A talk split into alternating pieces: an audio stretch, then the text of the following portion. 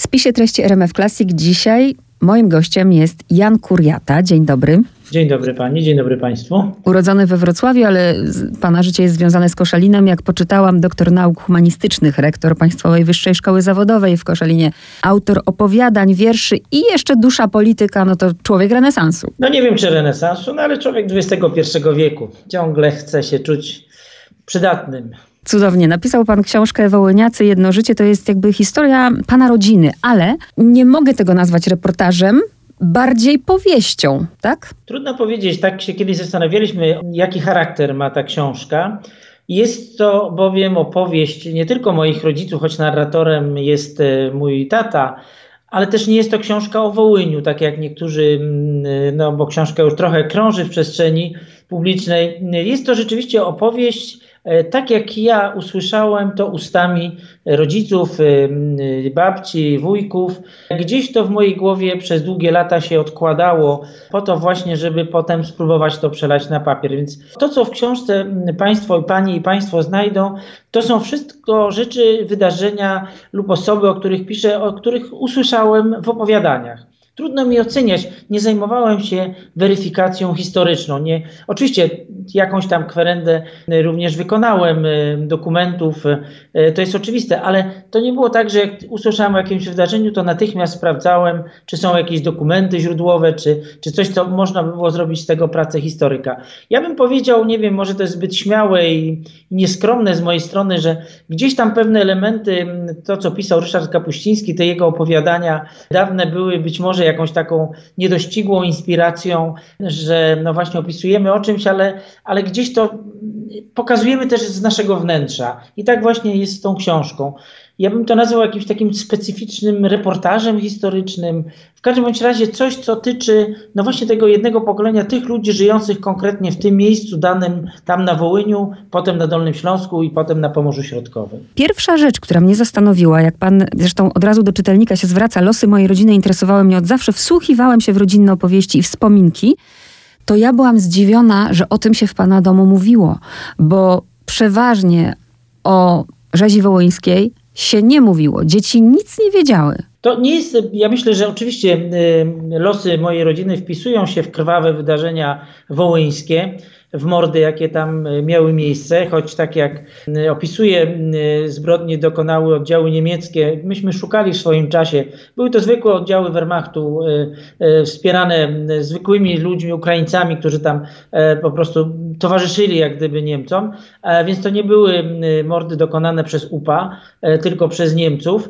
I właśnie mówiło się o tym w domu, przy stole przy okazji każdych świąt. 15 kwietnia, rocznica e, tej zbrodni, e, to było zawsze bardzo ważne wydarzenie, także religijne dla moich rodziców, którzy, którzy pamiętali o tym. I to było bardzo ważne wydarzenie, bardzo ważne. Ja od dziecka, od kiedy pamięcią sięgam, zawsze to było. Natomiast kiedy już jako człowiek bardziej świadomy, nie wiem, nastolatek, licealista, a tym bardziej student, sobie uświadamiałem, że sytuacja powiedzmy polityczna była taka, że nie pozwalano o tym mówić, nie pozwalano zakładać, co próbowaliśmy rozmawiać, jakiegoś stowarzyszenia nawet bo mieliśmy z drugiej strony, co też opisuję w książce, przykłady tejże właśnie Christy, e, Niemki, która przyjeżdżała tam na Pomorze Środkowe do Brokęcina, do, swojej, do domu swoich rodziców, w którym mieszkaliśmy my, moi rodzice i my.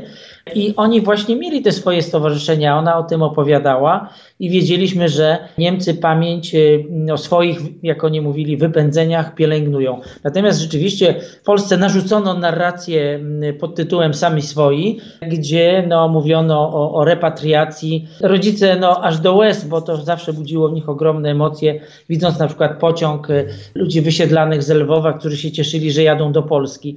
No oczywiście żyliśmy w takim zakłamaniu, żyliśmy w, no, w takiej bardzo silnej propagandzie, która wmawiała, że to, to, te wysiedlenia to jest repatriacja. Oczywiście ślady pisemne o rodzinie Kuriatów sięgają XVII wieku i to jest zawsze Wołyń, więc trudno tu było mówić o repatriacji. To jest przeżycie, doświadczenie pokolenia, kiedy jako już dorosły człowiek próbowałem to w głowie układać, to mi się bardzo trudno układało, bo to, czego doświadczyli właśnie moi rodzice i rodzina i całe to pokolenie, to było niesamowite przeżycie, które nieznane jest. Moje życie zawodowe związane z, z Francją, z zachodem jak gdyby Europy od, od, od lat licealnych bardzo długo i, i niepojęte też tam, ponieważ tam takich wydarzeń nie było. No, pogranicze e, francusko-flamandzkie też ciężkie w historii. No, nie ma takich doświadczeń, tych wysiedleń, wypędzeń. To właśnie e, te sprawy tutaj polsko-niemiecko, czesko, e, ukraińsko-białoruskie, to one są takim, taką egzotyką, ale złą egzotyką ja to nazywam, ponieważ to jest ciągle cierpienie ludzi. To się ciągle odbywało kosztem cierpienia, ogromnego cierpienia ludzi i pewnych e, no, niewytartych, dramatycznych przeżyć także psychice człowieka. Zanim zapytam o paru członków rodziny, to jeszcze chcę się upewnić kompozycyjnie, bo zaczyna pan to rozmową na ławeczce z tatą. Czytam mu już pan e, gotową książkę. Ja byłam ciekawa, do kogo jest ta historia kierowana, bo jakby jak narratorem jest tata i on mówi wasza matka, wasza matka, to miałam takie wrażenie, że jakby opowiada tę historię panu, ale później mamy informację o pana urodzeniu i mówi, nie, i mówi nie, że urodziłeś się wtedy ty, tylko mówi urodził się Jan, czyli on opowiada to po prostu wszystkim. Tak, bo y, sprawa jest o tyle skomplikowana, że rzeczywiście to, co ja tacie w 2012 roku, y, niedługo zresztą pół roku przed jego śmiercią, przedstawiałem mu, to były jeszcze taki, takie luźne, luźne maszynopisy, gdzie y, opowiadałem mu to wszystko. Jeszcze tak naprawdę nie byłem przekonany, że uda się z tego zrobić prawdziwą książkę. Bardziej czytałem mu fragmenty, on bardzo lubił te, te nasze spotkania spotkania i te nasze rozmowy, y, gdzie pojawiła się świadomość y, no właśnie tego, że będziemy to próbowali opisywać. Y, z mamą, póki żyła również, bo mama trzy lata wcześniej zmarła. Więc bardzo mi zależało na tym, żeby to była taka prosta opowieść. Dlatego wybrałem tatę na narratora, choć on nie jest jedynym narratorem tak naprawdę, tylko na potrzeby książki, ponieważ tata mówił o tych wydarzeniach prosto. I mieliśmy oczywiście świadomość tego, że to będzie no, gdzieś tam szerzej no, w tym środowisku być może wołyniaków. Jeszcze nie planowaliśmy, że książka stanie się, że zainteresuje się tą książką duże wydawnictwo Pruszyński, że, że, że to będzie gdzieś w obiegu ogólnopolskim, więc że to bardziej dla naszego kręgu wołyńskiego, wołyniaków, szczególnie mm, Dolnego Śląska, gdzie jak mówią co chata to kuriata, e, to że to będzie bardziej e, w takim kręgu właśnie. No tacie przedstawiałem, ale tata miał już 90 4 lata i trudno, mm, trudno mu było to wszystko ogarnąć, to, że to będzie gdzieś spisane, że to będzie właśnie w tej przestrzeni, cyberprzestrzeni, to słowo go tak, przerażało. Tak. Więc tak to się układało, czyli z tej rodzinnej opowieści w końcu e, lepiej, gorzej, to co w moim wnętrzu było, w mojej głowie, w mojej świadomości, to to właśnie przelałem, jak to się mówi, na papier, czy na ekran, czy mm -hmm. gdzie tam do, do tej cyberprzestrzeni. Kolejna rzecz, która mnie zaskoczyła, Rudnia Łęczyńska na Wołyniu.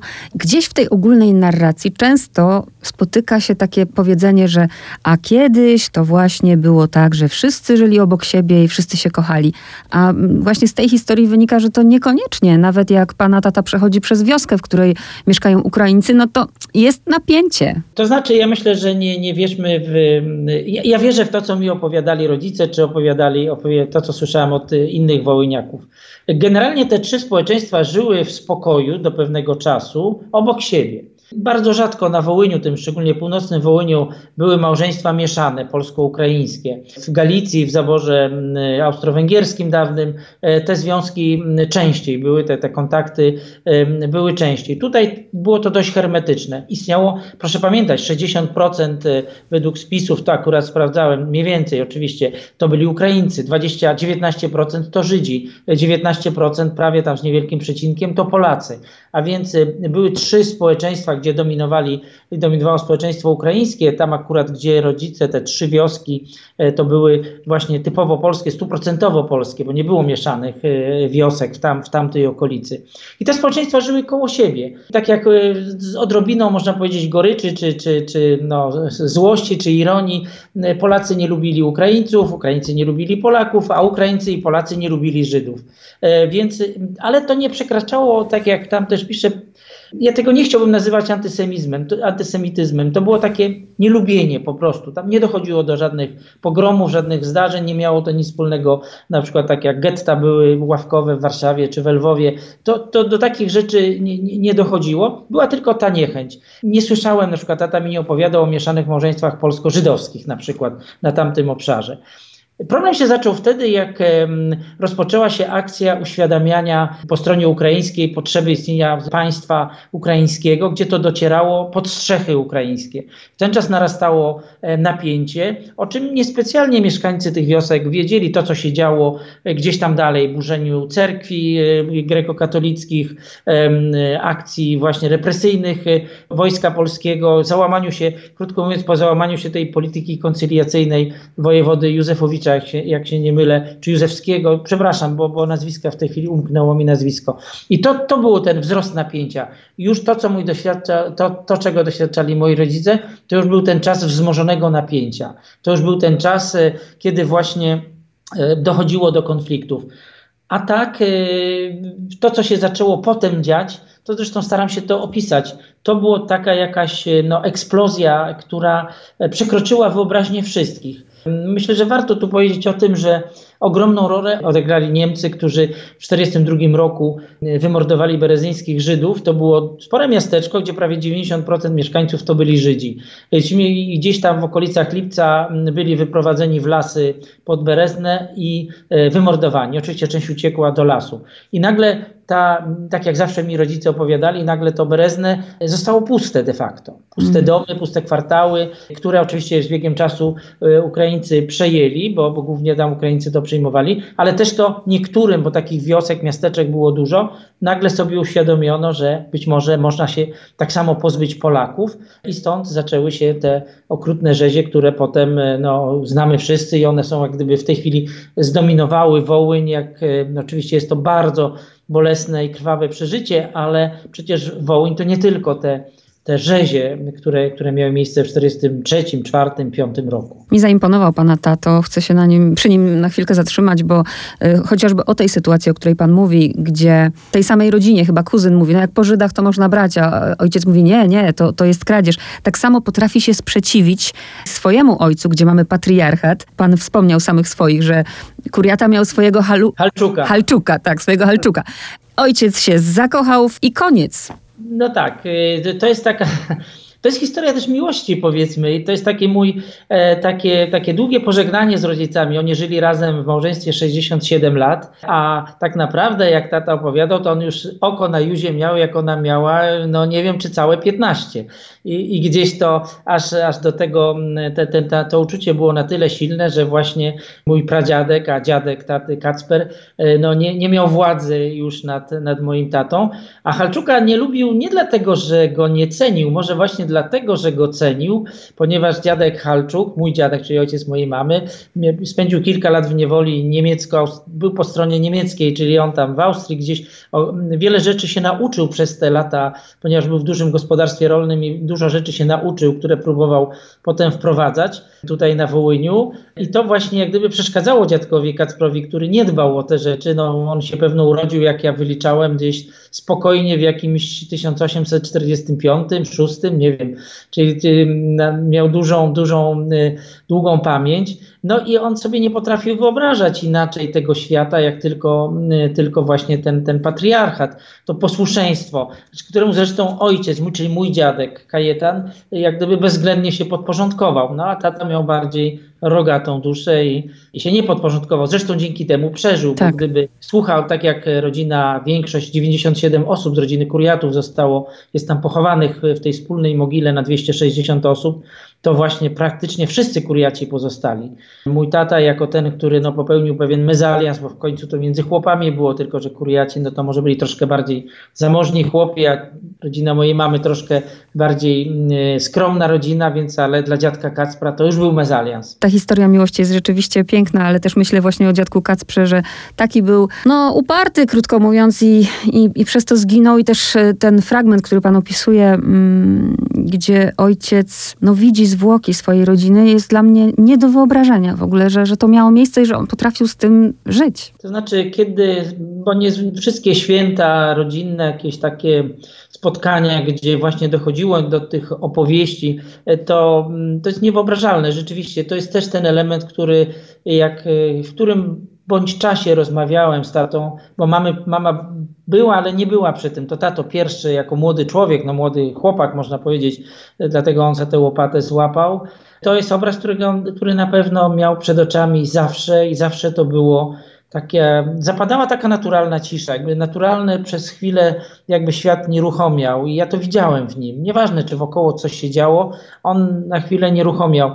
To są te rzeczy, które właśnie ja jako nastolatek, jako młody chłopak tak jak on lubił słuchać opowieści dziadka Kacpra o tym, jak to tam e, Rosjanie wyłapywali mm, e, po powstaniu styczniowym e, powstańców, tak, mm, tak ja lubiłem słuchać właśnie tych opowieści zawsze, jak gdyby chciałem więcej. Gdzieś tam w ucho mi wpadła, może to nie do końca dobre porównanie, piosenka francuskiego piosenkarza Georgesa Mustakiego, który śpiewał do swojego dziadka. Śpiewam te piosenki, wszyscy słuchają, ale ty jeden je słyszysz. E, więc ja myślę, że tak odwracając trochę to podobnie było. To były opowieści, które nie wiem, czy tylko ja jeden, ale, ale ja na pewno je słyszałem. I ten, ten element y, traumatyczny, ten, to, to bolesne przeżycie, które no, podejrzewam, no jestem pewien nawet, no może tata nie potrafił tego tak plastycznie opisać, ale tak jak mówię, ten moment znieruchomienia w nim zawsze był. Ja też e, oprócz tego, że oczywiście związałam się z bohaterami tej książki, że poznałam te losy i gdzieś tam są we mnie, to czytałam tę książkę szerzej. Kiedy są fragmenty o tym właśnie, że oni się dziwią, no jak to, byli Żydzi, nie ma z nich, no jak to, tyle ludzi zamordować, wojna, że gdzieś przewijały się te rzeczy, ale nikt w to nie wierzył. I myślę, w jakim punkcie jesteśmy dzisiaj, w 2021 roku i my też, no wojna, wojna, ale nikt w to nie wierzy, że to mogło się stać. Wie pani, dzisiaj mamy y, media, mamy dzisiaj cyberprzestrzeń, wracam do tego słowa. Dzisiaj to możemy zobaczyć, to jest niesamowite, niewiarygodne, że oglądamy wydarzenia e, wojenne y, bezpośrednio omalże. Zawsze ktoś jest z komórką czy z czymś, ktoś, kto to nagra i pokaże i widzimy, jak to, co się dzieje na Ukrainie. Widzimy nawet, jak w Mali dżihadyści mordują, w Afryce mordują e, niewinnych ludzi. Gdzieś to wszystko wybucha wulkan, to widzimy. Natomiast w ten czas, w tamtych latach, Łatwiej było manipulować, wie pani, to jest, to jest to pytanie, które ja też często wszystkim zadawałem, jak to właśnie, jak oni to przyjmowali. No na przykład, no nie ma tych, tych, tych Żydów, no bo, e, bo ich wywieziono na Syberię, żeby oni tam pracowali. Też były rozpuszczane specjalnie plotki takie.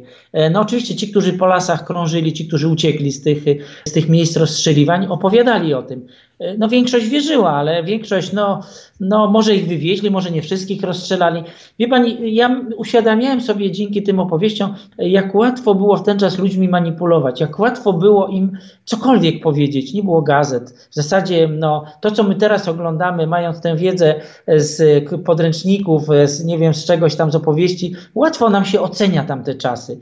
Tymczasem tak naprawdę to ludzie, to co tam jeden drugiemu powiedział, tak samo także o zbrodniach UPA to przykrążyło, jak jakiś tam ocalały człowiek dotarł do innych, to im opowiadał. Nie było przecież radia, nie było telefonów, nie było, nie było możliwości komunikacji. To dlatego tak łatwo było, gdyby oszukiwać. To trochę tak jak w I wojnie światowej łatwo było zabijać setki tysięcy ludzi, bo nie wszyscy wiedzieli, że karabiny maszynowe są i że będą strzelać do oporu, aż wszystkich zabiją. Bo kiedyś było inaczej, bo kiedyś były pojedyncze strzały. Tak samo tutaj. Wydawało się, że wszyscy wiedzą, że to praktycznie, no przecież, ale nie, nie, nie było, nie było żadnej wiedzy. Nagle się dowiadywano, że, że coś tam się wydarzyło i tak dalej. Więc to jest, to jest właśnie to, a nasze dzisiejsze czasy, mimo że to widzimy, słyszymy, zwłaszcza, że no, na Ukrainie no, chyba drżymy wszyscy e, o to, że, że może tutaj się zdestabilizować nie tylko e, w, w Ukrainie, ale też i, i może cały kontynent zadrzeć, bo mogą być tego skutki straszne. Widzimy to, ale jesteśmy równocześnie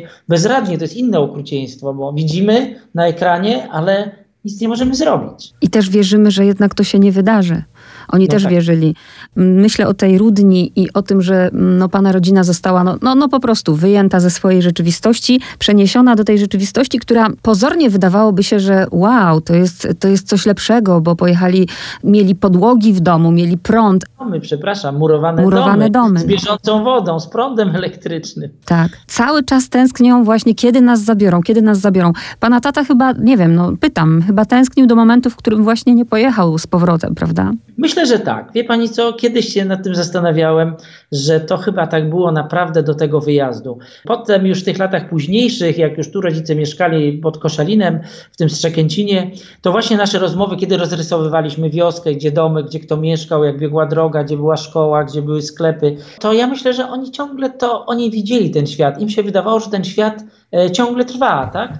E, tak jak e, ludzie niektórzy wierzą, że tam na Titaniku ludzie jeszcze sobie żyją, orkiestra gra, ludzie tańczą, że, że, to, że to tak jest. I rzeczywiście ten wyjazd był takim, no, nawet nie, nie, nie słupem milowym, to była ogromna, to było 10 słupów milowych, ponieważ rodzice przyjechali, kiedy tam przyjechaliśmy i w końcu dotarliśmy w to miejsce, gdzie była Rudnia Łęczyńska, no to jak wysiedliśmy z samochodu, mieliśmy taką przewodniczkę, panią e, mieszkankę Kostopola, bardzo sympatyczną. I to był taki las, taki sam, dokładnie, jaki rósł o, o 100 metrów od domu moich rodziców w Strzekęcinie, tutaj pod Koszalinem. Dokładnie takie same drzewa, dokładnie, dokładnie to samo można prawie powiedzieć. I to był dopiero szok, ponieważ e, no, jak gdyby gdzieś coś nagle ta pryśnięcie bańki mydlanej. Odbiło się, nie odbiło się na mojej mamie, o którą się obawialiśmy, mama chorowała trochę na serce, natomiast tata, który był taki pewny, który wszystko widział, zamykał oczy i opisywał te swoje ścieżki, on po pewnym czasie, jak już od, e, odeszliśmy od tego pomnika upamiętniającego, tam gdzie są pochowani mieszkańcy Rudni Łęczyńskiej, zresztą z fałszywym napisem, że oni jakoby, zginęli za pomoc partyzantom radzieckim, których ten czas tam nie było, no to tata przeżył tak wielki szok, że się od niego wystraszyliśmy. Dopiero potem nam opowiadał, jak go odwieźliśmy z tego miejsca, że on po prostu jakby się przeniósł w inną przestrzeń, w inny wymiar. On znowu zobaczył tamte lata, ale tylko w swojej głowie. Zobaczył te wszystkie straszne rzeczy i się naprawdę baliśmy o niego. Natomiast kiedy już przyjechaliśmy mm, do Polski, właśnie do Polski, to właśnie powiedział, że jesteśmy w Polsce. Może ktoś się uśmieje, jak gdyby nie do końca to, y, y, jak to mówią dzisiaj młodzi ludzie, ogarnie, ale to, to było epokowe, że on powiedział: wracamy do Polski. Bo w jego głowie do tego wyjazdu Polska była tam właśnie. Tak, po przeczytaniu tej książki na pewno słuchacze zrozumieją, czytelnicy. A czy pan kiedyś tam wrócił, czy tylko to była ta jedna wizyta z rodzicami? Byliśmy, ja byłem tylko niestety raz w 1988 roku. Od tego czasu, po 90 roku, z rodziny naszej, z kręgu znajomych, wiele osób tam jeździło. Tam kształt tego pomnika się zmienił. Tam dostawiono taki jak gdyby grup, e, czy elementy no, religijne, tak, tak jak jest grup, e, więc z krzyżem, z, z, różnymi elementami właśnie, na które się władze ukraińskie zgodziły, więc tam ludzie dość często jeżdżą. Ja niestety nie byłem, wybieram się tam właśnie, bo teraz po rozmowach też wybieram się tam ze swoimi dziećmi dorosłymi, które mają po ponad 30 lat, więc mają swoje życie. Także chciałbym pokazać im to właśnie, to, to miejsce ich rodzinom, żeby, żebyśmy zobaczyli, bo to jest, rodzice zrozumieli, że tak naprawdę to miejsce to jest cmentarz, że to jest miejsce pochówku, miejsce grupy rodzinny, gdzie blisko 100 osób jest e, z naszej rodziny, ale też i dalszych krewnych, jakbyśmy policzyli, bo tam na Wołyniu wszyscy w jakiś dalszy czy mniejszy sposób byli ze sobą spokrewnieni, więc to jest miejsce, które trzeba zobaczyć. Zresztą zbieramy środki na to, żeby zbudować tam takie, takie miejsce upamiętniające tę zbrodnię. Mam nadzieję, że nam się to uda. I ostatnie pytanie, bo to jest, to jest piękne, no pana taty nie ma, pana mamy nie ma. Cudowne jest to, że ocalił pan od zapomnienia tych ludzi, że oni są, żyją, że obcy ludzie ich poznają, tak jak ja. A zrobił pan to dla rodziców, czy właśnie dla swoich dzieci? Chyba jedno i drugie. Na pewno, tak jak powiedziałem, jest to takie moje pożegnanie, długie pożegnanie. Nie wyobrażamy sobie pożegnania z rodzicami. To rodzice w nas zostają, więc ja się się bardzo smucę, że nie udało się tego wydać za ich życia, żeby oni mogli to, e, to zobaczyć. E, natomiast e, na pewno miałem w głowie to, żeby moje dzieci, w ogóle właśnie dzieci wołyniaków, żeby wszyscy wiedzieli o tym tragicznym losie, jaki, jaki został im przypisany przez przez, jedni powiedzą przez Boga, inni powiedzą przez jakieś, jakiś los tragiczny, że właśnie im im przypisano takie tragiczne dzieje, które, w których oni potrafili e, wybrać e, to, co jest dobre i wybrać, e, przekazać też nam, dzieciom, mówię o nas, o braciach, siostrze, że nam też przekazali to, co najlepsze i myślę, że to był dla nich taka, taka wielka lekcja życiowa. Tata żył 94 lata, mama 86 i musieli ten egzamin życiowy trudny zdać, a ja po prostu takie karkołomne trochę zadanie podjąłem, że spróbuję to opisać i żeby, żebyśmy właśnie pożegnali się i w życiu wiedzieli o tym, o tym tragicznym losie wołyniaków, trochę zapomnianym pokoleniu czy zapomnianych mieszkańcach naszej kiedyś wieloetnicznej pierwszej Rzeczpospolitej czy wieloetnicznej drugiej Rzeczpospolitej. Może trochę jako też i przestrogę dla tych wszystkich, którzy dzisiaj tak bardzo chcą zbudować jakąś taką, jedni mówią patriotyczną, ale ja się boję, że za tym patriotyzmem wygląda nacjonalizm, wygląda nietolerancja. Także inni e, czują się trochę w tej naszej Rzeczpospolitej nie zawsze dobrze. Bardzo dziękuję. Jan Kuriata był moim gościem. Dziękuję bardzo.